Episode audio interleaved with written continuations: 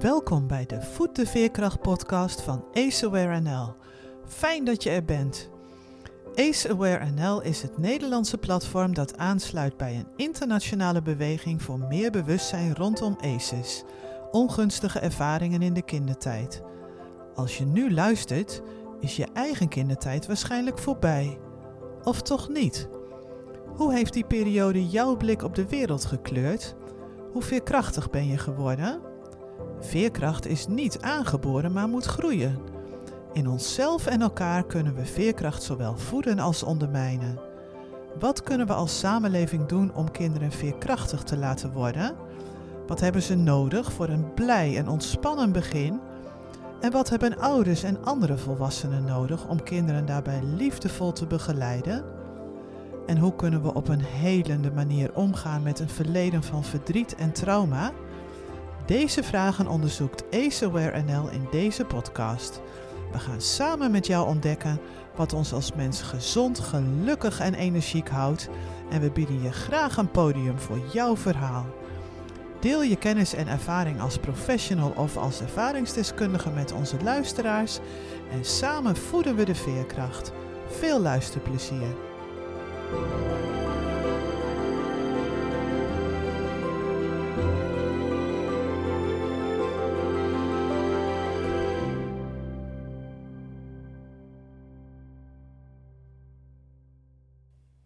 Het is de zomer van 2022 en via de collega's van Emoveren hoor ik wie er aan tafel zullen zitten voor het gesprek over de film Resilience, die ik heb aangedragen als vervolg op het lunchwebinar rondom The Wisdom of Trauma. Een van de gasten zal Marilis de Jong zijn.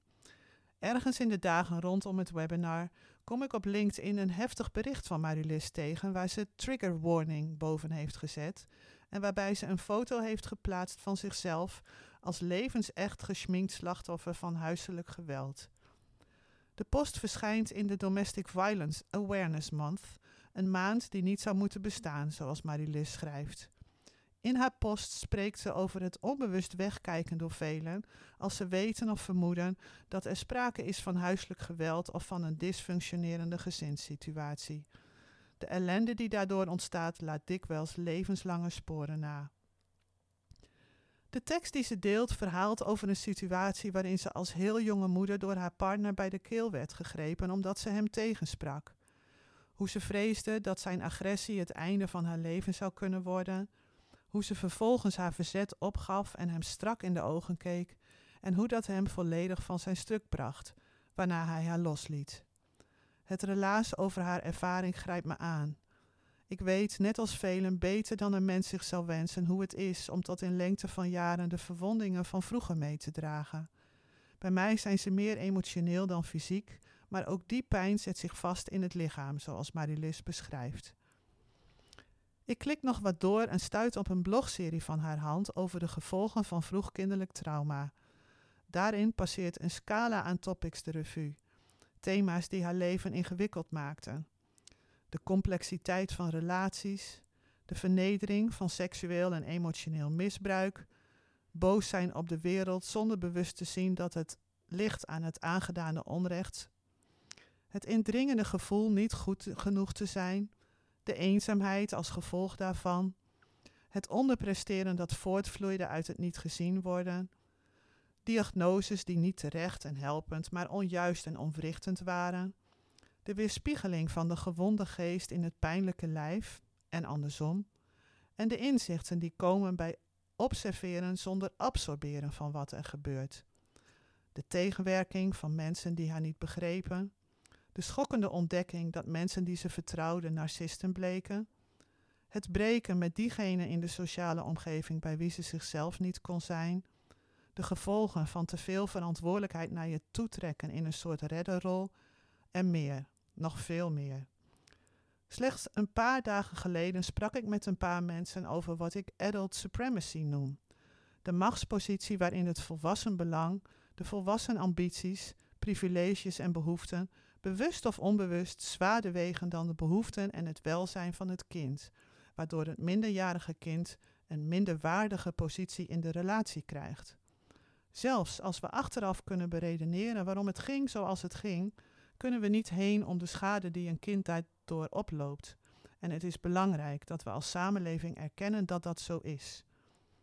Ik vermoed dat ze bij het lunchwebinar daarom het fragment heeft gekozen waarin Jack Shonkoff vertelt hoe belangrijk het is om programma's voor amplitie, preventie en herstel in te bedden in de sociale gemeenschappen waar de ondersteuning het hardste nodig is.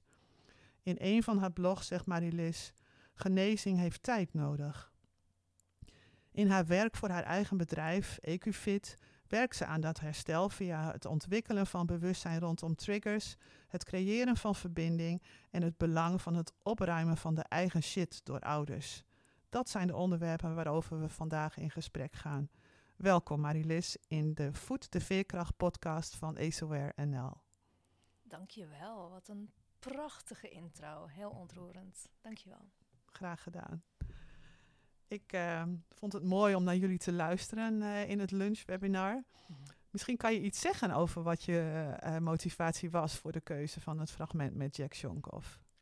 Um, ja, ik denk het belangrijkste daarin is hoe belangrijk ik het vind dat we als we met het kind aan de gang gaan, hoe belangrijk de omgeving is. En dat daar eigenlijk de grootste sleutel ligt, omdat kinderen vaak het spiegelgedrag laten zien um, van volwassen mensen. En dat we eigenlijk heel vaak kijken naar het gedrag van het kind als van het kind zelf. En ik denk dat dat heel erg belangrijk is om doorbroken te worden. Ja. ja. En hoe pak je dat aan? Want bij uh, zelfs uh, mensen die al redelijk bewust daarmee bezig zijn, kan het toch heel heftig zijn hè, om te horen dat je met je eigen kind misschien toch iets niet goed doet. Hoe, uh, hoe, hoe, yeah. hoe, creëer je veiligheid? Want dat is de essentie waarschijnlijk ook ja. voor mensen als ze met veranderingen aan de slag willen. Zeker. Nou ja, ik denk niet zozeer dat het gaat om goed of fout. Ik denk dat dat heel erg belangrijk is om te benadrukken, want uh, we doen wat we geleerd hebben. En um, op het moment dat we niet iets anders kennen, dan kunnen we ook geen andere keuze maken. En eigenlijk wat wij doen is mensen een keuze geven uh, door iets anders aan te leren. En dan kunnen ze zelf ervoor kiezen wat voor gedrag ze in gaan passen. En juist omdat ze dat nieuwe gedrag eigenlijk um, veel beter gaan voelen en ervaren, zullen ze veel sneller voor dat gaan in plaats van het oude gedrag en oude patronen. Ja. Dus het gaat echt om een stukje bewustzijn en niet om goed en fout. Het gaat erom dat we dingen mee hebben gekregen die eigenlijk helemaal niet bij ons passen als mens vaak. Ja, dus je zegt uh, geen oordeel. Dat is de kern eigenlijk van wat Zeker. je zegt, denk ik. Zeker, ja. Ja. Ook wel een van de moeilijkste dingen natuurlijk, hè? want de, slechtste eigenschap van een mens is oordelen. En uh, hebben we allemaal een filter en een laag daarover uh, overheen zitten. Um, om juist ook niet in je eigen pijn of in je eigen triggers te gaan zitten uh, in bepaalde stukken van mensen. Mm, maar ik denk dat het juist heel erg belangrijk is om te zien vanuit welk oogpunt het is voor het kind. En dat te vertalen naar de volwassen taal en dat aan ouders mee te geven. Ja, Um, dan gaan ze een proces in. Daar he hebben twee ouders dan een taak en een rol. Mm -hmm. uh, het, uh, we hebben net in het voorgesprek al heel even gehad over hoe doe je dat? Komen ze samen of komen ze apart? Kan je daar eens wat over vertellen? Ja, dat is heel verschillend natuurlijk. Omdat um, ja, sommige ouders zijn nog bij elkaar, andere ouders mm. zijn niet meer bij ja. elkaar. Um, sommige ouders strubbelen heel erg met hun eigen stukken, uh, anderen struggelen meer met elkaar. Um, dus ja, elk, elk persoon of elke gezinsdynamiek is anders. En het is juist heel erg belangrijk om te kijken om niet alles en iedereen over één kam te smeren. Maar juist te kijken naar het individu, wat, waar hun behoeftes liggen, wat hun opvoeding is, wat hun patronen zijn, wat hun blinde vlekken zijn. en dat eigenlijk samen te voegen um, en te kijken van hé, hey, wat, wat kunnen we doen om juist sommige dingen te doorbreken, wat heel erg belangrijk is, niet alleen voor het kind, maar ook voor het gezin. Ja, um, die film die heet Resilience, hè? vertaald in het Nederlands is dat meestal uh, veerkracht. Mm -hmm. um, ik zie nog wel eens uh, dat er weerbaarheidstrainingen worden gegeven of uh, dat er gezegd wordt de weerbaarheid zou moeten toenemen ik merk dat ik daar zelf altijd een beetje een kriebel van mm, in mijn buik beetje krijg. weerstand. Ja, ja, ja, ik, zie, ja, ik zie jou ook een beetje zo kijken nu. Ik, ik, ik ervaar zelf wel een duidelijk verschil tussen weerbaarheid en veerkracht. Hoe Zeker. is dat voor jou?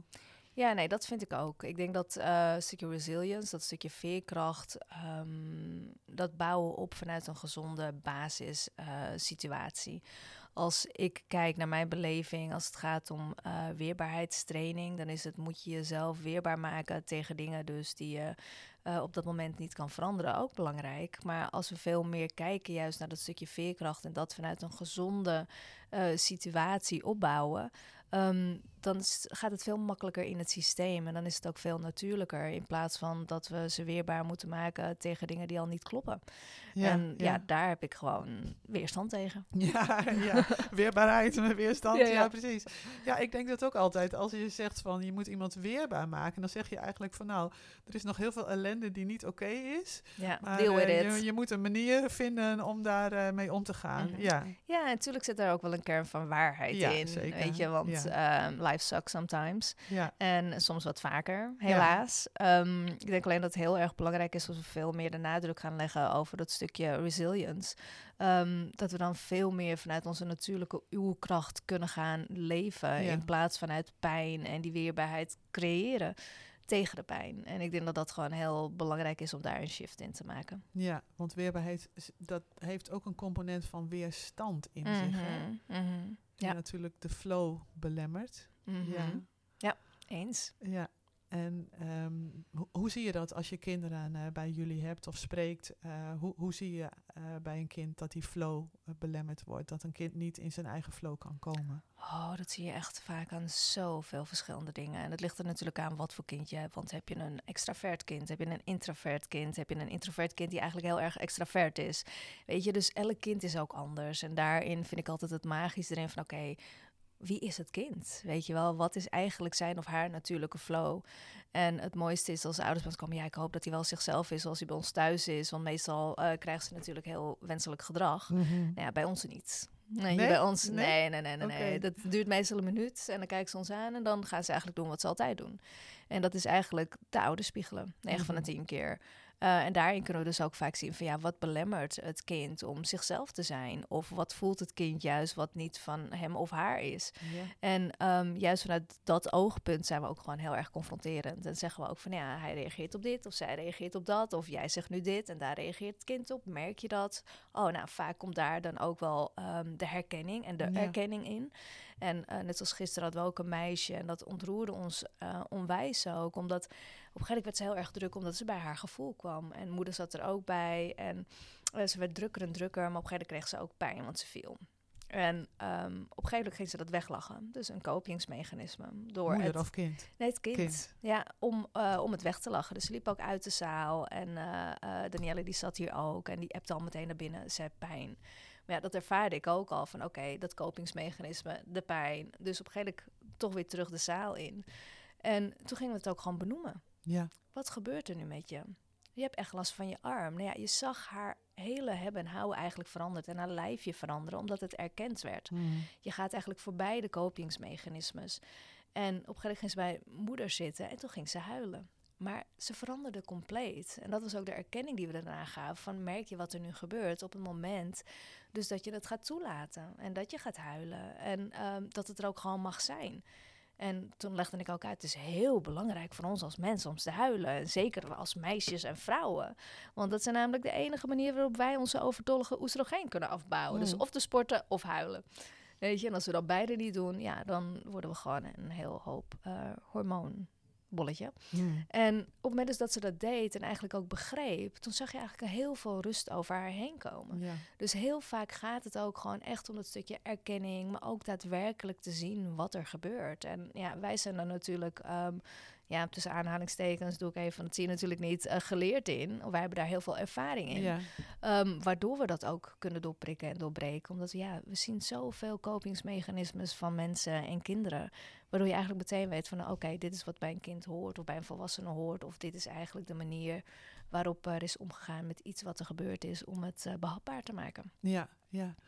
In de film Resilience komt ook zo'n stukje voorbij waar een uh, leerkracht zegt van uh, je moet niet alleen alert zijn op de kinderen die van de tafel springen en wild zijn, maar juist ook op de kinderen die stil in een hoekje zitten. Hè? Oh. Want de ja. hulp wordt denk ik vaak meestal ingeroepen als het wild wordt en de, de boel niet meer te hanteren is. Maar dan ben je eigenlijk ja. ja. ben je voor dat kind natuurlijk al een beetje te laat. Maar de kinderen die er soort van stiekem tussendoor glippen. Ja. Ik weet soms niet of die misschien niet eigenlijk nog slechter af zijn. Meestal wel. Ja, en dat is ook een stuk wat ik een tijdje geleden heb geschreven. En dat is het onzichtbare kind. Ja. Um, en gisteren had ik toevallig ook in een andere interview over. Ik denk dat die nog veel belangrijker zijn. Mm.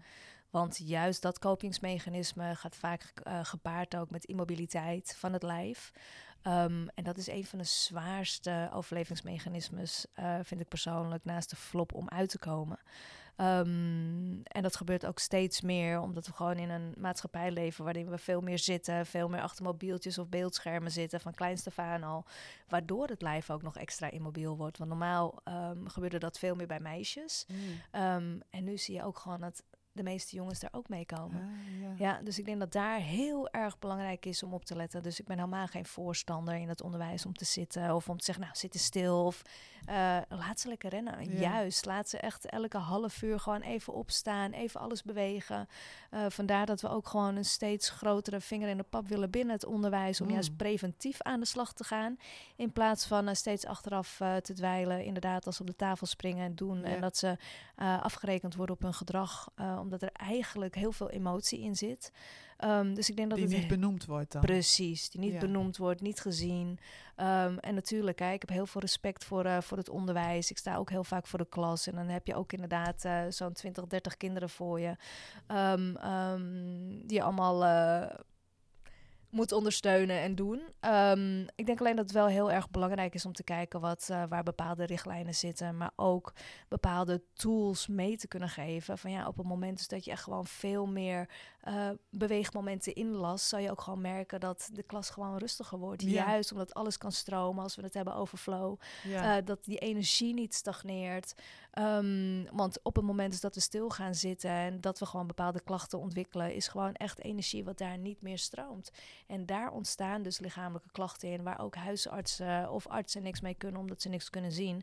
Ja, en dat is gewoon uh, energie. En dat is gewoon Emotie is energy in motion. En uh, als dat niet beweegt, ja, dan krijgen we klachten. Je ziet dat steeds meer bij kinderen, dat ze eigenlijk um, um, ouderdomsklachten krijgen. Nu mm. al. Mm. Ja, en dat ik denk dat dit een van de belangrijkste dingen is waarin we heel veel dingen kunnen gaan doorbreken. Ja, want het is wel grappig, we, spraken vooraf natuurlijk al even over uh, dweilen met de kraan open. En dan zou je zeggen, nou dan heb je een lekkere flow. Maar dat is natuurlijk niet precies de flow die we uh, voor, uh, voor ogen hebben. Want nee. het, het gebruik van gadgets wordt natuurlijk steeds meer. Dus als jij zegt dweilen met de kraan open, mm-hmm. dan, uh, ja, dan is dat de stagnatie die ontstaat door het stilzitten. Die uh, gaat misschien wel uh, ja, forse vormen aannemen, zo langzamerhand. Ja, en dat wordt alleen maar erger. Ik denk dat we niet bewust met dit informatietijdperk omgaan. Um, want kinderen kunnen natuurlijk overal bij. Ze kunnen alles googlen. Um, we hebben spelletjes. Ze kunnen online natuurlijk met elkaar verbinden. Waardoor ze eigenlijk de real-time verbinding een beetje verliezen ook. Het sociaal-emotioneel systeem gaat uit. Ook uh, door de afgelopen periode natuurlijk met corona en de mondkapjes. Nou, ons sociaal-emotioneel systeem zit precies achter het mondkapje. Ja, ja. Uh, dus ze zijn nu ook veel meer verkeerd afgestemd op zichzelf en op anderen. Zie je um, dat echt ook al in ja. jullie werk uh, toenemen als gevolg van de afgelopen Zeker. twee jaar? Hmm. Zeker, zeker. Dus er komt veel meer zelfbeschadiging voor, veel meer depressie, veel oh. meer suicidaliteit, uh, veel meer eenzaamheid. En ik denk dat het heel erg belangrijk is voor ons als volwassenen om daar een halt toe te roepen en juist te gaan zeggen: jongens, we moeten echt gaan opstaan uh, voor, uh, voor deze doelgroep. En dat is gewoon van kleinst af aan al. Um, ja, en daar mag iedereen natuurlijk zijn mening over hebben. Uh, dat is helemaal oké okay, en dat is ook helemaal niet erg. Ik denk alleen dat het wel belangrijk is dat we moeten kijken naar de toekomst, waarin we juist um, onze kinderen in bescherming moeten gaan nemen. En juist te gaan kijken van: goh, wat hebben ze nodig daarin? En dat is die verbinding. En ja. dat is op elk vlak. Dus op elk vlak zijn ze eigenlijk afgeschermd van de verbinding als het gaat om de informatietijdperk met onze beeldschermpjes, uh, met de coronatijd, met mondkapjes, uh, met elkaar dat ze elkaar niet mochten zien. Um, ouders die natuurlijk ook heel veel stress met zich meegenomen hebben, omdat het gewoon een heel stressvolle periode was Zeker. en onzeker. Um, dus ik denk dat het uh, nog een veel langere nasleep zal hebben dan dat we eigenlijk ingecalculeerd hebben. Ja, ik, ik, vind, ik vond het interessant dat je zo straks al zei van uh, wij zijn daarin uh, confronterend. Mm -hmm. Want je hoort natuurlijk ook nog wel eens van, uh, en daar ben ik op zich ook steeds meer een voorstander van om mensen met zachtheid te benaderen. En de, de compassie van, ja, dit is misschien wel rotgedrag wat je hier laat zien naar je kind of naar jezelf. Want dat is natuurlijk vaak mhm. ook nog zo. Zeker. maar het komt ergens vandaan en daar moet ook aandacht en begrip voor zijn. En dat te veroordelen, dat helpt niet. Maar tegelijkertijd zeg je van, het wordt tijd dat we daarvoor opstaan. Dus moet een soort balans vinden waarschijnlijk tussen de confrontatie wel zoeken, maar niet op zo'n manier dat je helemaal dichtklapt. Dat is nog wel een uitdaging, denk ik. Nou ja, ik denk dat Ook de samenleving bedoel ik, want heel veel instituties zijn er natuurlijk bij gebaat dat we dat kindbelang mhm. niet op een hogere plaats uh, zetten. Nee, daar gaat natuurlijk heel veel geld in om. En dat zei ik inderdaad heel hardop. Um, dus inderdaad, heel veel mensen zijn daar niet bij gebaat, maar uh, onze kinderen wel. Ja. En dat is het belang wat voor mij voorop staat. En het belangrijkste ook uh, is om hun welzijn voorop te gaan stellen wat zij nodig hebben. En, ja, en dat is ook voor de ouders van belang om ook te kijken van hé, hey, maar waar, wat is goed voor jullie?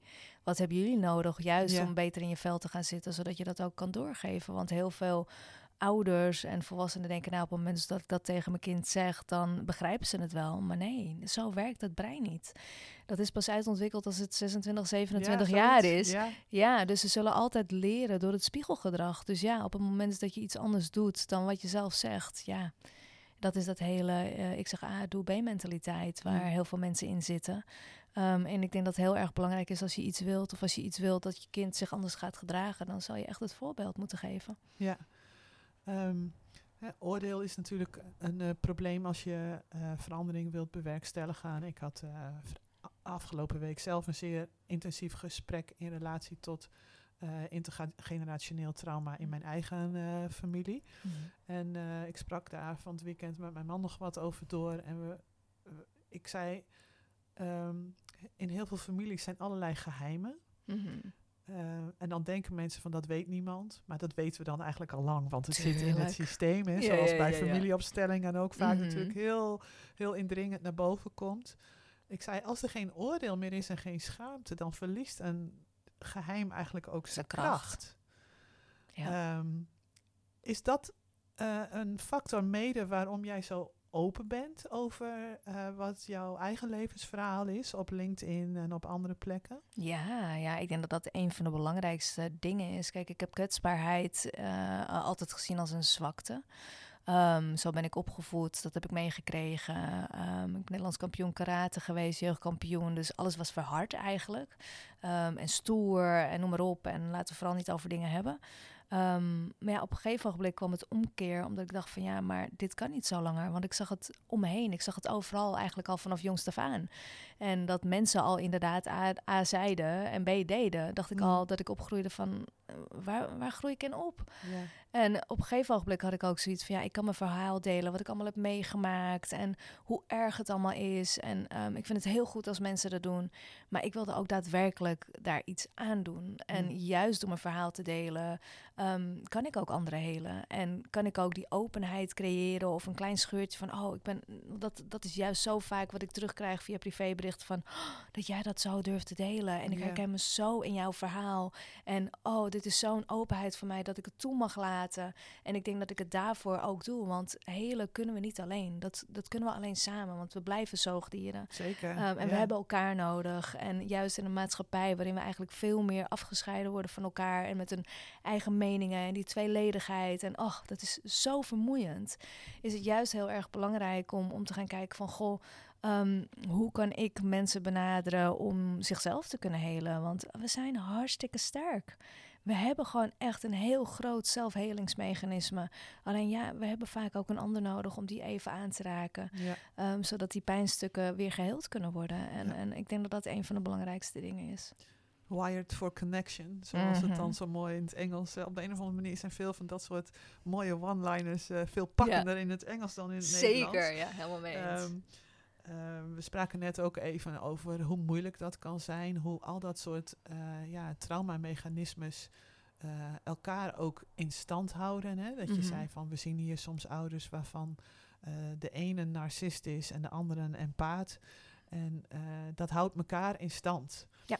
Um, hele moeilijke mechanismes natuurlijk. En dynamiek ook. Ik denk dat die dynamiek, ik denk dat dat heel erg belangrijk is. Want uh, wij geven binnenkort ook weer een cursus daarover. En ja, daar, daar vallen sommige mensen ook over. Want wat wij heel erg belangrijk vinden, is juist dat de empaat um, ook zijn of haar verantwoordelijkheid neemt in dat geheel. Hè? Want er wordt altijd maar afgezeken over de narcist. Ja, dat vind ik heel mooi dat je dat zegt. Want ik ben daar ook wat meer mee bezig geweest. Want we kunnen het allemaal daar neerleggen, maar het ligt aan twee kanten. Precies, Ja, ja, Dus we moeten ook onze eigen verantwoordelijkheid daarin nemen. En um, nou, daar vielen sommige mensen ook best wel over. Van ja, is dat dan ook niet een narcistische inslag op het moment dat je dat zegt? Ik zeg nee, ik denk dat dat juist heel belangrijk is om de patronen te doorbreken. Maar ook voor de narcisten. Weet je wel, zodat we juist uh, kunnen gaan kijken hoe we elkaar kunnen gaan versterken. Want we zijn aan beide kanten mens. En uh, ook narcisten hebben gewoon trauma meegemaakt. En ja. er zit ook gewoon een disverbinding in. Uh, juist in het empathische gedeelte. En dat is ook waarom ze empathen aantrekken.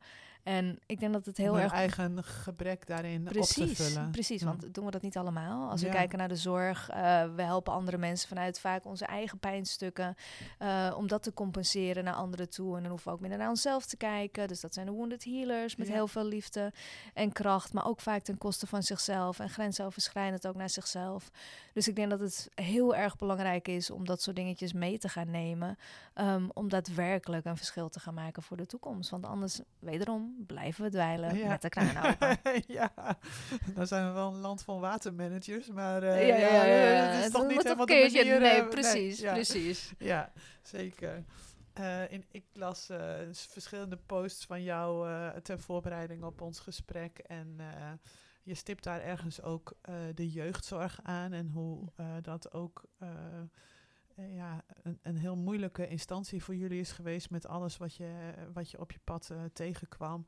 Ik vind dat heel ingewikkeld. Je noemt nu net ook de wounded healers en het, eh, de motivatie om een bepaald beroep te kiezen. Hè? Mm um, die jeugdzorg die moet natuurlijk heel vaak kinderen beschermen tegen herhaling van wat ze is overkomen. En toch overkomt ze dan daarin weer wat ze al eerder is overkomen. Hoe, hoe, hoe moet dat doorbroken worden? Of hoe kan dat doorbroken worden naar jouw idee? Ik denk dat een van de belangrijkste dingen dat een SKJ niet genoeg is. Want dat is gewoon echt theoretisch, wordt het neergezet. En mm. um, ik denk dat het juist dat we heel erg moeten gaan kijken naar de mens achter het SKJ. En oh, wat interessant. Mij werd laatst gevraagd van, als jij dan een training komt geven, uh, is die dan ook SKJ gecertificeerd? Ik moest dat opzoeken, want ik had daar nog geen ervaring mee als mhm. lactatiekundige. Maar ik hoor jou nu zeggen, uh, dat is te theoretisch. Ja, ja. ja zeker. Want iedereen kan een SKJ halen. Ja, dat ontdekte ik dus ook. en mhm. je, uh, maar je moet dan ook, begreep ik, uh, laten certificeren voor een jaar of drie jaar. Mhm. En toen dacht ik, nou, dat gaat bij mij helemaal niet werken. Want als ik een training zou geven, zou ik hem voor elke groep weer anders doen. Dus dan is hij elke keer weer niet gecertificeerd of zo. Ja, ja maar, dat, is dus precies wat je bedoelt. Het, het administratieve, het theoretische en niet dat wat erachter zit. Nou ja, we denken als mens dat het uh, eh, IQ het belangrijkste is. En dat is natuurlijk ook gewoon echt ego gebaseerd. Want uh, als we echt gaan kijken wat um, de kinderen nodig hebben in de jeugdzorg, dat is verbinding. En dat, die kun je niet leggen vanuit het IQ. Dat kun je alleen maar leggen vanuit je hart en vanuit emotie. En, je EQ, zoals jij... Uh, precies, ja, je EQ. Maar ook als we kijken naar het reguleringsproces, het FQ, dus het fysieke quotient. Als we kijken naar de patronen, het SQ. Um, dus het is eigenlijk vanuit elk stuk is het belangrijk dat een persoon, zeker die met kinderen werkt, um, bewust is van haar of zijn eigen handelen. En van mm. haar of zijn eigen uh, um, reguleringspatronen en eigen patronen. Zodat ze ook echt veel helderder um, een, een ruimte binnenstappen waarin een kind of een gezin staat. Zonder uh, haar of zijn eigen pijn mee te nemen. Want dat is wat ik gewoon te vaak zie en heb meegemaakt. Uh, ook persoonlijk, maar ook wat ik nog steeds zie als uh, mensen vanuit de hulpverlening bij ons komen voor eigen ondersteuning. En dat zou ik vaak zeggen daarna, ja, als ik dit eerder had geweten, had ik casussen heel anders aangepakt. Ja. Weet je, en ik denk dat dat heel erg belangrijk is om um, in de zorg te gaan doorbreken. Maar ook om meer stabiele mensen um, in dat vak uh, neer te gaan zetten. Want heel veel uh, halen een opleiding en die zijn nog heel jong. En die worden echt voor sommige casussen neergezet. Ja, waar ze natuurlijk helemaal geen ervaring of uh, wat dan ook in hebben. En ze moeten bepaalde dingen gaan beslissen. Wat heel intens is en ook weer heel traumatiserend kan zijn voor de hulpverlener zelf. Ehm, dus ik denk dat er veel meer uh, naar gekeken mag gaan worden van hoe het daadwerkelijk uh, het systeem speelt. Ja. Ik uh, sprak ooit met iemand anders uh, voor een interview en die zei: op heel veel vlakken is er nog veel meer psycho-educatie nodig. Dus er is nog te weinig eigenlijk bekend over de biopsychosociale um, mechanismes en invloeden. Ik, ik weet dat ik ooit met iemand ook een gesprek had die dat jaren heeft volgehouden. Nee, je wordt gewoon op een bepaalde manier geboren en dat is je karakter. Ja, nee. Uh, dat heel veel. Sorry, ja. maar daar, daar, ben ik het niet mee eens. Nee, nou, ik heb toen het boek uh, Why Love Matters van Sue Gerhardt cadeau gedaan. Mm. Waarom liefde zo belangrijk is, is de Nederlandse ja. titel van dat boek. En um, waaruit ook naar voren komt dat heel veel ogenschijnlijke karaktereigenschappen eigenlijk copingmechanismen ja. zijn. Ja. ja, dat is wat we ook elke dag hier zien. Ja. Ja. En dat is juist zo belangrijk om te kijken. Want heel veel mensen voelen zich niet veilig, voelen zich niet prettig in hun vel. Omdat ze heel veel dingen, zoals je net al zei, intergenerationeel trauma hebben meegekregen. Dus allemaal dingen die niet van hun zijn. Ik heb ook een loaded shit of baggage meegekregen Ja. toen ik hier kwam. En denk van, nou, dat is echt niet van mij. Nee. Ehm, maar ja, goed, ik moest het wel doorleven, omdat de vorige generaties dat niet konden. ja. En eh, mijn kinderen, die hebben ook weer bepaalde dingen meegekregen waar ik toen de tijd nog niks mee kon. En misschien, weet je, we traumatiseren allemaal onze kinderen, zeg ik altijd. Ehm, dus dat mogen we ook gewoon beseffen als mens, dat we gewoon niet alles goed kunnen doen. Ja, Gabor Maté heeft een mooie quote, toch? Die, ik weet die dichter niet meer, maar they fuck you up, your parents, of zo. eh, Ja, ja, they don't mean to, but they ja, do. they do, Ja, they do. Ja, Ja, ja, ja. ja. Ja, en ik denk dat het ook gewoon heel belangrijk is om te beseffen dat eh, we het niet alleen hoeven te doen. Nee. Weet je, take a village to raise a child. Want soms zitten we er middenin en zien we die blinde vlekken niet. Ehm, en is het juist van belang om een netwerk om je heen te hebben waar je op terug kan vallen. En dat hebben heel veel mensen niet. Of Nee. die vertrouwen ook de jeugdzorg niet. Of eh, omdat ze bepaalde dingen hebben meegemaakt. En ik denk dat het juist heel erg belangrijk is om te gaan kijken van oké, maar wat kunnen we wel? Hm. Weet je wel, hoe kunnen we juist wel ervoor zorgen dat eh, we wel een gezonde basis en een fundament kunnen neerzetten eh, voor de toekomstige generatie. Ja, en dat begint gewoon bij elke individu bij zichzelf. En die Ja. verantwoordelijkheid moeten we zelf gaan nemen ehm, om bepaalde patronen te gaan doorbreken. Want heel veel mensen zeggen ook, ja, maar in je eentje kun je geen verandering maken. Oh, hell yes. Ja, zeker. Ik heb al zoveel dingen opgelost voor mezelf, voor mijn dochter en voor mijn moeder die niet aan traumawerk deed. Dat zegt, nou, ik voel me toch wel weer anders, Marilies. Ik zeg, ja, mam, ik ben weer met een bepaald stuk bezig. Oh, ja, Weet ja, je wel? ja, en dan begon ze zelf over bepaalde topics waar ik dus mee bezig was. Dus het is heel mooi hoe dat altijd weer doorwerkt daarin. En ik, ik, ik denk dat we juist heel erg bewust mogen zijn van onze kracht eh, in het mens zijn en niet van onze uitdagingen en zwaktes. Hmm. Ja, ik, eh, ik was vorige week bij een mooie bijeenkomst eh, voor het met elkaar in overleg gaan over hoe we een holistisch gezondheidscentrum zouden kunnen eh, starten. En ik heb Mhm. een, een vriend en collega die daar druk mee bezig is. En eh, ik eh, ga daar zeker onderdeel van blijven de komende tijd. Maar daar kwam ook die opmerking: It takes a village to raise a child naar voren. en ik memoreerde dat ik een keer had gehoord of gezien een meme op Facebook of zo waar stond: I saw the village and I don't want it to raise my child. Ja. En eh, ik, eh, ik begrijp natuurlijk de, de strekking van Mhm. eh, It Takes a Village. Maar ik begreep die meme ook heel goed. Hè? Ja. Als, je, als je zelf al met dingen bezig bent geweest en je weet van hé, hey, dit moet eigenlijk anders. En je ziet een gemeenschap waar dat nog niet gebeurt. Of je brengt je kind naar een school waar straffen nog de norm is, ik noem maar Ja. iets. Mhm. Dan zijn dat wel heel lastige situaties om mee om te gaan. Ehm, hoe kies je een school? Hè? Jij zei Mhm. van we willen meer in het onderwijs eh, aanwezig zijn. Mhm. Uh, vertel eens iets over wat voor ervaringen je daarmee al uh, op hebt gedaan en hoe dat op scholen gaat, hoe daarnaar gekeken wordt als ze meer met deze materie aan het werk gaan. Ja, het mooiste daarin is, ik neem even een slokje. Ja. Ik voel de kriebel namelijk op. Ja.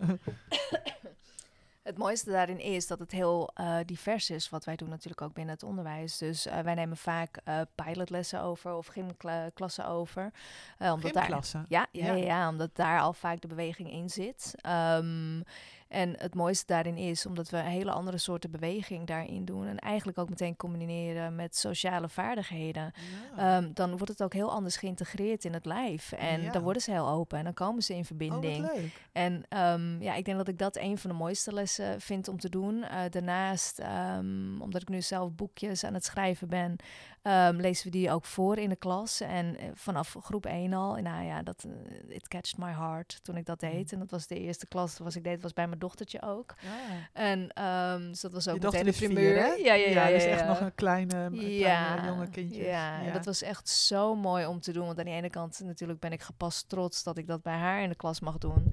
En uh, daarnaast ook gewoon dat je ziet hoe de kinderen daarop reageren. En mm. daarnaast de andere klassen ook. Dat ze echt zoiets hebben van ja, um, dit is natuurlijk een heel ander soort onderwijs. Maar waar ze ook bewust worden van hun eigen lijf meteen. hoe klein ze ook zijn. Eh, vertel eens Marilis, wat, wat doe je dan? Je zegt heel andere bewegingen met die gymklas ook. Hoe ziet dat mm eruit? Um, nou ja, als we echt kijken naar de boekjes, dan uh, leg ik ook allerlei emoties neer. Ik heb mijn eigen illustraties laten maken. Um, ik schrijf natuurlijk zelf die boekjes. Uh, dus dan mogen ze ook zelf gaan kijken en aanwijzen wat, wat zij vinden, wat ze erbij vinden passen. Want dan zie je ook meteen aan de kinderen van, goh, op welke manier zijn ze gewired? Weet je wel, dan gaan ze inderdaad allemaal als je verdriet zegt naar dat verdrietig poppetje. Of gaan ze naar dat boze poppetje of mm. het verontwaardigde poppetje. Dus dan kan je ook meteen zien hoe een kind gewired is. En hoe de ouders eigenlijk gewired zijn. Weet je wel? En dan kan je dat er meteen Als, in omdat meenemen. het kind dat spiegelt, bedoel je? Precies. En op het moment dus dat ze ook zien van de andere kinderen... dat ze daar wel naar het poppetje gaan met verdriet waar het bij hoort... dat ze echt gaan kijken van... oh, hoort dat daarbij? Weet je wel, dus dat ze meteen eigenlijk op school dan de spiegelneuronen meekrijgen. Van, oh, maar dit is eigenlijk wat erbij hoort. Ja. Uh, waardoor ze ook weer dingen anders kunnen gaan ervaren en veel meer tot zichzelf kunnen komen. Uh, dus eigenlijk hun eigen mechanismes kunnen ontwikkelen. In plaats van dat ze die alleen maar meenemen van hun ouders of van de leerkracht. Um, en daarnaast, nou ja, in de groepslessen dus, als ze wat ouder zijn, dat doen we meestal vanaf um, um, groep 5, 6. Um, dan zijn we heel erg bezig met beweging en beïnvloeding. Um, en dan doen we ook gewoon bepaalde oefeningen waar ik ze echt gewoon alles laat doen. En achteraf is dat zo'n grote confrontatie voor ze, omdat ze bepaalde opdrachten mee hebben gekregen.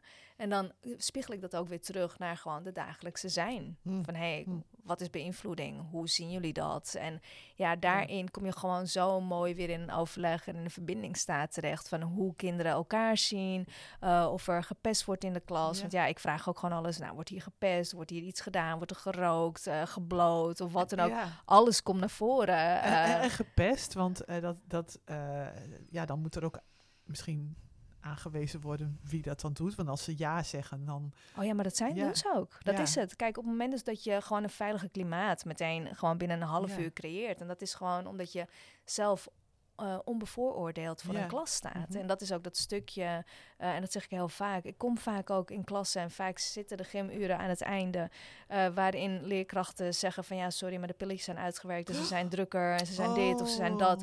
Ja, dan, dan gebeurt er gewoon iets met me. De nou ja, zijn uitgewerkt, ja. dat vind ik wel heftig, zeg. Het is heel heftig, ja. En dat gebeurt veel vaker dan je denkt. Oh. En dan zeg ik ook meestal, nou, ga, ga jij maar even zitten. En weet je, observeer maar gewoon vanuit een andere oogpunt naar jouw klas. Um, en dan juist degene waarvan de pilletjes zijn uitgewerkt. Ik doe weer even aanhalingstekens, die jullie natuurlijk niet zien.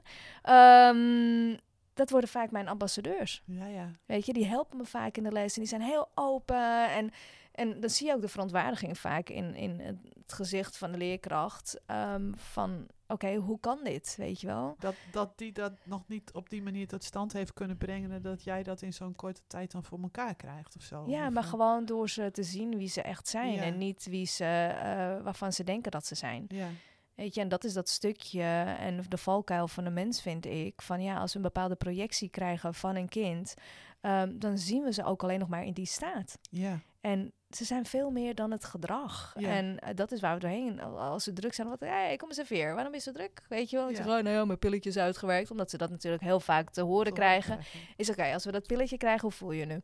Weet je wel? Nou, ik voel me eigenlijk wel gewoon goed. En, uh, en dan heb ik als iets van Oké, ik zeg, nou, weet je, gaan we het gewoon even eruit schudden of ga even basketballen of even met de bal. Wat vind jij prettig? Weet je, dat ze het er even uit kunnen gooien en dan zijn ze er weer bij. Mm. Weet je, gewoon door het zelf te laten erkennen van hoe ze zich voelen. En sommigen vinden het ook verwarrend van, nou ja, maar wat bedoel je daarmee?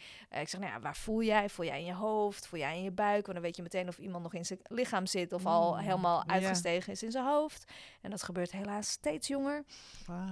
Um, weet je, dan weet je ook meteen waar een kind zich bevindt. Ja. Weet je wel? Dus dat is vaak ook een van onze vragen als eerste van ja, waar voel jij? Voel jij nog in je buik? Uh, voel jij in je borst meer? Voel je meer in je hoofd?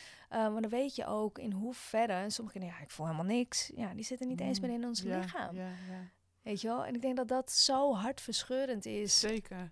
Ik had onlangs een uh, gesprek met iemand die in het onderwijs werkt en uh, ook aangaf van dan heb je soms zo'n club voor je en ze zetten allemaal met elkaar de tent op stelten en, uh, er wordt niet meer geluisterd en oh, het duurt mij allemaal veel te lang. En um, mm. toen kwamen we te spreken over wat is de taak van het onderwijs om aan mm. kinderen bij te brengen en wat is een taak die echt bij ouders thuis zou moeten liggen. Mm. Um, toen gaf ik iets aan van, ja, maar de vraag is natuurlijk of, dat, uh, of die regulatieaspecten uh, inderdaad iets zijn wat niet thuis hoort in het onderwijs. Mm -hmm. Ja, daar kunnen we echt niet aan beginnen. En ik snap dat heel veel leerkrachten natuurlijk eigenlijk al overvraagd zijn met Zeker. alles wat ze moeten Zeker. doen. Ja. En tegelijkertijd, um, ja, ik had ook een gesprek met iemand anders die ook met onderwijsdingen bezig is. En die zei, uh, er is vaak geen beeld van wat voor soort mensen we aan de andere kant van dat onderwijstraject tevoorschijn willen zien komen. Ja. Dus ik, het is wel ingewikkeld, denk ik, hoe je dat um, allemaal, nou ja, als je het lullig wilt zeggen, op het bordje van de onderwijskracht moet leggen. Ja. En waar het toch echt iets is waarvan je zegt, ja, dat, maar dat, daar moeten de ouders aan werken en dat kunnen we niet op school doen. Want ik vroeg bijvoorbeeld, als een kind helemaal dysfunctioneert of geschorst moet worden, uh, ga je dan op onderzoek uit naar die thuissituatie. Uh, ja, weten we misschien wel dat het niet goed gaat, maar uh, ja, en dan, wat, wat kunnen wij eraan doen? Ja. En toen dacht ik, nou, volgens mij is er wel iets aan te doen, maar ik realiseer me ook dat, dat, uh, dat er enorme time restraints uh, zijn natuurlijk. Uh, en als je er 15 zo in de klas hebt van de 30, dan mm -hmm. is dat natuurlijk ook niet haalbaar. Maar ho ho hoe zie je dat? Hoe, hoe zouden we dat die taken kunnen verdelen? Nou ja, ik denk dat het heel erg belangrijk is om te beseffen, naast dat kinderen thuis zijn, zijn ze het grootste gedeelte op school. Ja. Dus ik vind dat er echt wel daadwerkelijk een bepaalde verantwoordelijkheid bij school uh, zit om uh, leerkrachten goed te kunnen laten mm. functioneren vanuit het lijf. Want we leren nogmaals door te spiegelen. Dus als een leerkracht voor de klas staat en die kan niet goed reguleren, creëren we kinderen die niet goed kunnen reguleren. Ja. Um, ook als ze thuis nog eens niet goed kunnen reguleren. Ja. Dus ik denk dat er van beide kanten een verantwoordelijkheid ligt. En um, het, het mooiste daarvan vind ik ook, want wij doen ook dan die tienweekse trajecten voor, voor leerkrachten. We nemen studiedagen over. Um, ik denk dat het heel erg belangrijk is gewoon om dat stukje te beseffen. Wat, wat wil je als school? Nou, school wil Ja. graag goede resultaten, dat kinderen goede resultaten halen, want we leven nou eenmaal in een prestatiemaatschappij. Um, dan is het ook gewoon van belang om te kijken van, goh, hoe doen mijn leerkrachten op school het? Want ik ben echt serieus van sommige leerkrachten echt wel geschrokken als wij assessments doen of wat dan ook. Um, sommigen komen echt trillend bij me binnen. Oh, Letterlijk gewoon helemaal shakend dat ik zoiets heb van, oh, wat gebeurt er met je? Ik zeg, ik wil je nu alleen maar knuffelen, maar wat gebeurt er? ja, zeg, maar ja. je zegt ze komen binnen en dan komen ze eh, eh, één Gewoon op één eh, binnen Overspannen bij en Ja, ja. En ik weet niet wat je wilt. En ik weet niet wat van me verwacht wordt. En ik vind het ook altijd moeilijk. Want dit heb ik ook altijd met ouders. Als ik met ouders in gesprek moet. En ik dacht alleen maar... Heel diep inademen en heel diep uit. Ik zeg, heb je dit altijd? Ik zeg, ja, nou ja, daarom geef ik ook... ik zeg, voor welke klas sta je? Ik zeg, ja, voor groep 1 en 2. Oh, ja. Ja, ik zeg dan ik zoiets van, ja, maar dit is wel de start van onze kinderen op school. Ja. Ehm, dus ik denk dat er zeker nog heel veel te doen is, ook binnen het onderwijs, Ja. om daar gewoon bewust van te worden. Dus we zijn ook daarmee aan de slag gegaan met de groep. En die directeur deed gelukkig echt heel veel voor zijn team. En die deed zelfs mee ook met de groepsessies. Dus dat was heel mooi om te zien dat hij ook inderdaad het voortouw nam. Want het was allemaal spannend, want je wordt kwetsbaar. Je gaat anders naar elkaar kijken natuurlijk. Ja. Ehm, alleen daarin, eh, dat zei ze dus na een aantal sessies ook, van ja, dit heeft me wel zo geholpen om te kijken van ja, waar ligt mijn verantwoordelijkheid eh, daarin? Ze zegt, want ik ga echt niet voor een groep 6, 7, 8 staan, want die kinderen die, die kan ik gewoon niet handelen. Nee. Maar ja, als je wel in één keer daarvoor moet staan, omdat het tekort eh, is aan, aan personeel, ja, dat is wel waar je dan meteen helemaal overladen wordt door de kinderen. Ja. Want ja, kinderen voelen dat. Het zijn gewoon boefjes Ja, af en toe. ja. Als jij niet goed in je vel zit, dan zullen ze dat laten merken ook om Nou, in een schepje bovenop het te doen. supersensitieve wezens natuurlijk. die die, die, die eh, energie in dat systeem waarnemen, ook als ze er zelf geen woorden aan kunnen geven. hè? Precies, precies. Ja, maar dat is het ook. Ze voelen het en ervaren het. En die stress. het op. Ja. En ze slaan het op als dat het van hun is. ja. Weet je wel? En hoe meer we kunnen zeggen als een leerkracht zeggen... Hey jongens, ik heb echt gewoon een beetje een rotdag vandaag. Weet je wel? Dat ze zoiets hebben van... Oh, het is niet van mij, het is van de leerkracht. Maar ook als ze leren dat de, jongeren dat onderling gaan doen... of de kinderen dat onderling... dan leert iedereen ook te weten van... Oh, dit is van mij, dit is van jou. Uh, dan gaan we al een hele andere maatschappij creëren. En ik weet nog, dat is echt een jaar of zes geleden... zat ik voor een mbo-klas. En nou ja, gaf ik ook die training. En het was zo ontroerend wat daar gebeurde. Omdat op een gegeven moment, ze zaten echt al drie jaar met elkaar in de klas. En ze kenden elkaar gewoon niet. Mm. En um, op een gegeven moment vroeg ik dus ook naar die oefening van ja, maar wat leren jullie hiervan? Want kunnen jullie niet beter juist met elkaar in verbinding zijn? Of juist alles, want hoe eenzaam is dat? Wie voelt zich eenzaam? Nou ja, bijna iedereen stak zijn hand op. Ik zeg, oh. en, en dat was zo hard verscheurend. Ja. Op zei ik ook van ja, maar wie zou er bijvoorbeeld nu iets kunnen of willen delen? Ja. Um, wat die verbinding tot stand kan brengen. Ja, of waar je mee zit, of wat je eigenlijk wilt dat andere mensen weten. Nou ja, toen stond er een meisje op en ach, ik heb haar nog steeds op mijn uh, profiel. Um, zei ik van ja, mijn moeder heeft al een jaar kanker. We gaan al echt een jaar door een hel heen. En ja, je zag iedereen de verontwaardiging in hun gezicht. En oh, wat erg en dit en dat. En sommigen sloegen meteen een arm om erheen. En ja, toen begon de andere. Ja, ik vind het wel heel lastig om kwetsbaar te zijn. Want als ze dingen van me weten, kan het ook tegen me gebruikt worden. Ja, ja nou ja, dat beaamde dus ook de meeste. Dus ja, dat is eigenlijk een maatschappij die we gecreëerd hebben. Van ja, als je kwetsbaar bent dan wordt het tegen je gebruikt. En dat zie je natuurlijk ook heel vaak. Dus die, die vertrouwen en veiligheid en verbinding, die is er gewoon niet. En ik denk dat dat het belangrijkste is op het moment dus dat we kinderen al vanaf de eerste klas dingen meegeven, juist om te weten van ja, wat hoort bij jou, wat hoort voor een ander, dan, dan weten ze al van hé, hey, het is veilig, het is oké om gewoon emoties te voelen, te ervaren, om je rot te voelen. Niet alles hoeft perfect te zijn, net zoals op social media. Mm. Dus dan kunnen we ook een heel ander beeld gaan creëren um, dan waar we nu in zitten. Ja, ik moest net uh, even denken aan wat je zei van kind trekt het naar zich toe.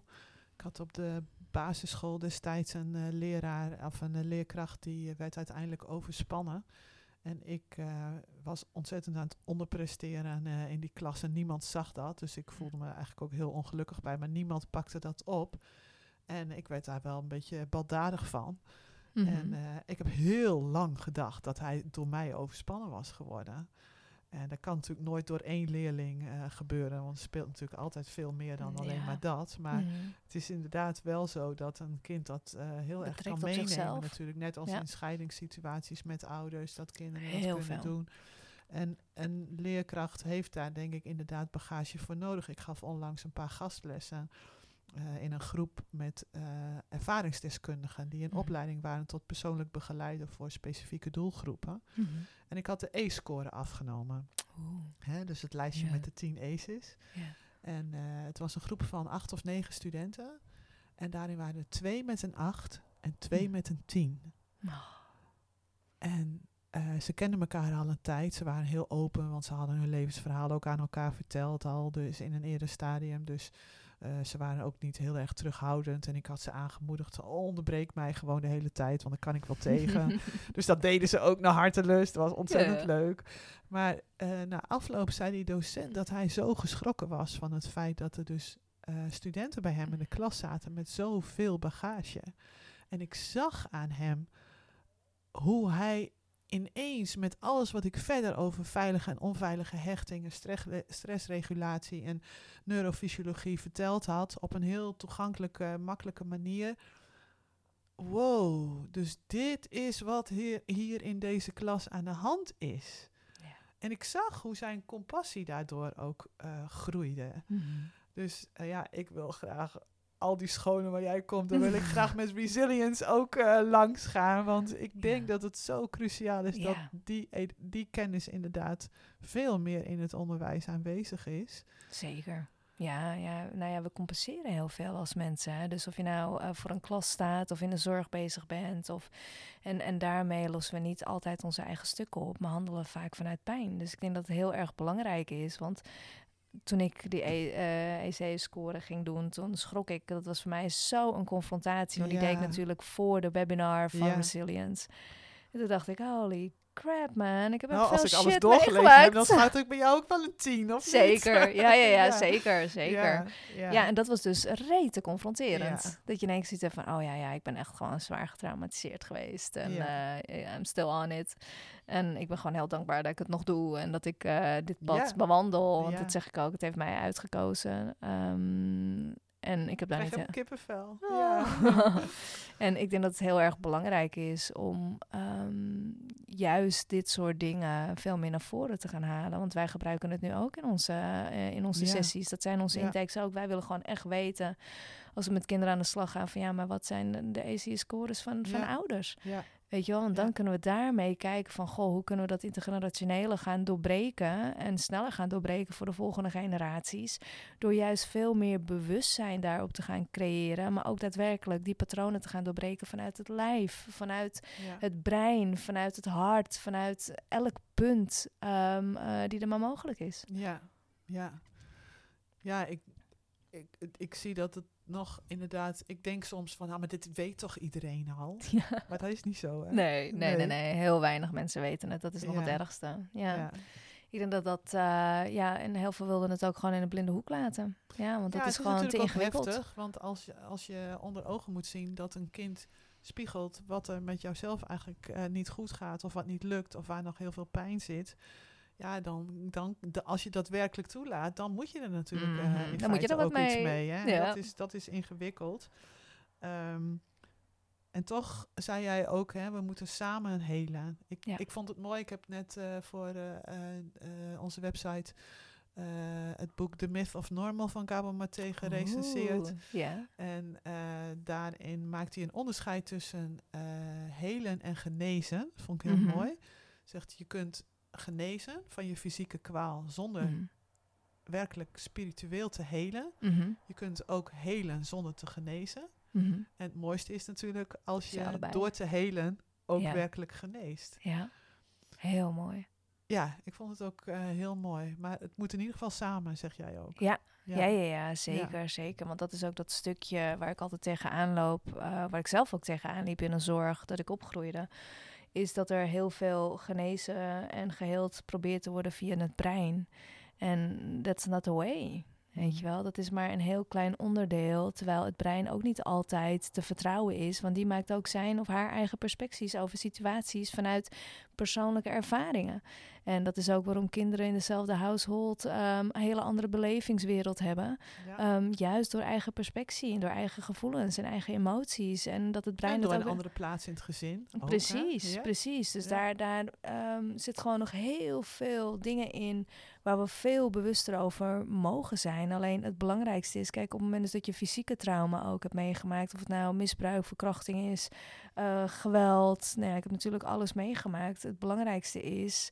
Ehm, net zoals die blauwe plekken die ik toen eh, heb laten sminken door mijn eh, lieve vriendin en collega.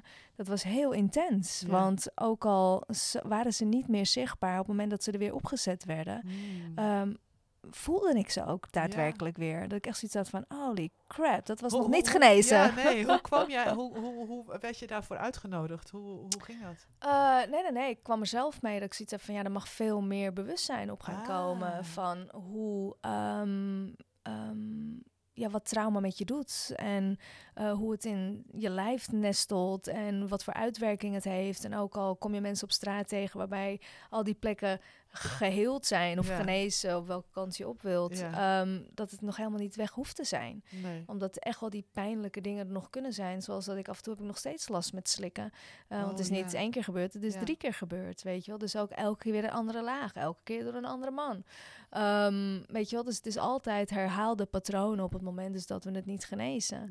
Eh, en intern dat patroon doorbreken van heling. Dus eh, en die vind ik ook altijd heel belangrijk. Want mensen zeggen, ja, het overkomt me altijd weer en altijd hetzelfde. Ik zeg, ja, als je de kern niet aanpakt, Ja. eh, waar het ontstaan is, dan zal het zich blijven herhalen. ja, en dat is ook het tragische natuurlijk. Hè? Dat als je jezelf eh, niet zo goed kent en niet zo mild en compassievol naar jezelf bent... eh, en dan gaat externaliseren en, en dan die liefde maar aan iemand anders wilt proberen te geven... waarvan Mhm. je denkt dat hij het nodig heeft of zo... Ja, ja, ja. ja. Dat dan natuurlijk partnerkeuzes ook soms vanuit die pijn uh, zeker, tot stand komen. Zeker, dat is de pain body waar ik het Ja. vaak ook over heb. We, we trekken mensen aan met hetzelfde pain body. En op het moment dat één iemand het zeg maar doorbreekt, dan groeien mensen ook vaak uit elkaar omdat het andere daar nog niet aan toe is of niet Ja. kan of Ja. whatever. En ik denk dat het eh, heel erg belangrijk is om, om te kijken van, goh, eh, mijn, met dat betreft is mijn wire ook nog niet helemaal goed Mm, neergezet. Dus ik zal heel anders nu. Ik ben heel benieuwd wat voor partner ik eventueel aan zou je trekken. pad komt. Ja, ja, Ja, op ja, mijn pad komt. Ja. Ehm, omdat ik natuurlijk heel veel doorleefd heb in de afgelopen paar jaar. Ehm, maar ja, je weet het nooit. En Nee. als je er middenin zit, dan, ja, dan heb je ook blind spot. En die roze bril, die Ja. verbloemt ook vaak alles. Ja. En daarin is het altijd wel belangrijk om te beseffen van... Goh, wat zegt mijn gevoel daarin? Want eigenlijk heb ik, als ik, als ik terugkijk, zei mijn gevoel altijd van... "Mm, don't do this, weet je wel. En- Ergens diep weg wist je het wel. ja, ja, Ja. elke keer weer. En ja, toch was er altijd iets wat ik daar weer uit kon leren of Ja. doen. Uh, Ja. Maar ik denk dat ik de volgende keer als ik zoiets voel, ik denk, nee, Liz, doe maar niet meer, ja. weet je. Het is been enough. Ja, ik was eh, in die gastles en eh, toen deden we een rondje aan het eind. Ik zeg, nou, wat nemen jullie eruit mee? Mhm. En eh, toen zei een van de, van de dames, ehm, het was ook een groep met ook al wat oudere studenten, en die zei van, ik heb geleerd dat ik meer compassie naar mezelf mag hebben. Ja, En toen sprong haar weer de tranen in de ogen, want blijkbaar is dat voor ons als mens vaak heel erg moeilijk. ja. Ja, we kunnen heel goed geven, vaak. Ja. Eh, maar het ontvangen, voornamelijk naar jezelf toe, is het meest lastige. Want dat is 9 van de 10 keer wat wij ook zien.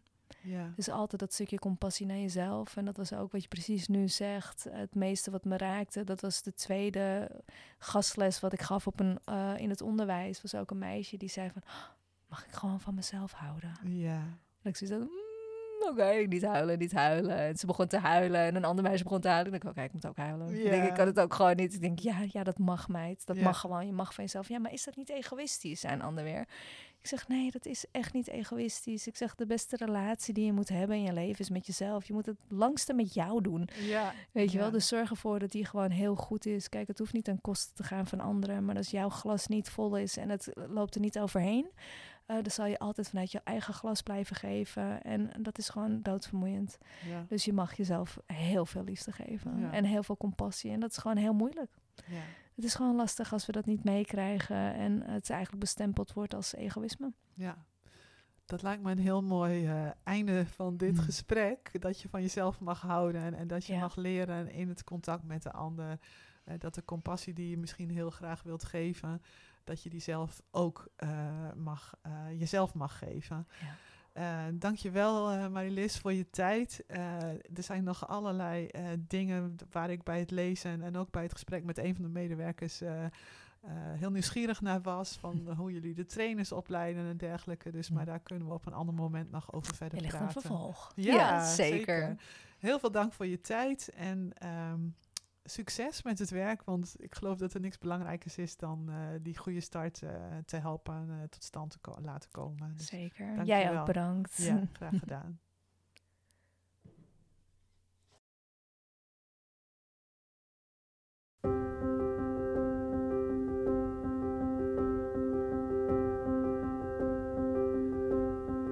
Dit was een aflevering van de Voed de Veerkracht podcast van Ace Aware NL.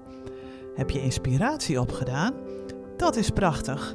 Dan ga je die vast en zeker inzetten om in je eigen omgeving en doelgroep de veerkracht te voeden. En misschien doe je dat zelfs al op een bijzondere wijze. Dan horen we graag van je en ben je van harte welkom als gast in onze podcast. Heb je genoten? Abonneer je dan en schrijf een review. Daarmee ondersteun je het doel van ACE Aware NL, namelijk meer bewustzijn creëren rondom ACEs, Adverse Childhood Experiences. Ook jij hebt talenten om op je eigen unieke manier de wereld een beetje mooier te maken en bij te dragen aan awesome childhood experiences. Een veilige kindertijd met bufferende bescherming tegen stress is de basis van een gezonde, rechtvaardige samenleving. En wil je daar meer over lezen? Duik dan eens in onze blogserie op www.aceaware.nl. Daar vind je de indrukwekkende verhalen van ervaringsdeskundigen en professionals en boekbesprekingen voor meer theoretische achtergrond. Wil je een training afspreken of in een consult je eigen ontdekkingsreis aangaan? Neem gerust contact op zodat we samen een plan kunnen maken. We hopen dat je er de volgende aflevering weer bij bent. En om op de hoogte te blijven kun je ons volgen op Facebook, Instagram, LinkedIn, Twitter of via onze website. Een mooie dag gewenst en voed de veerkracht.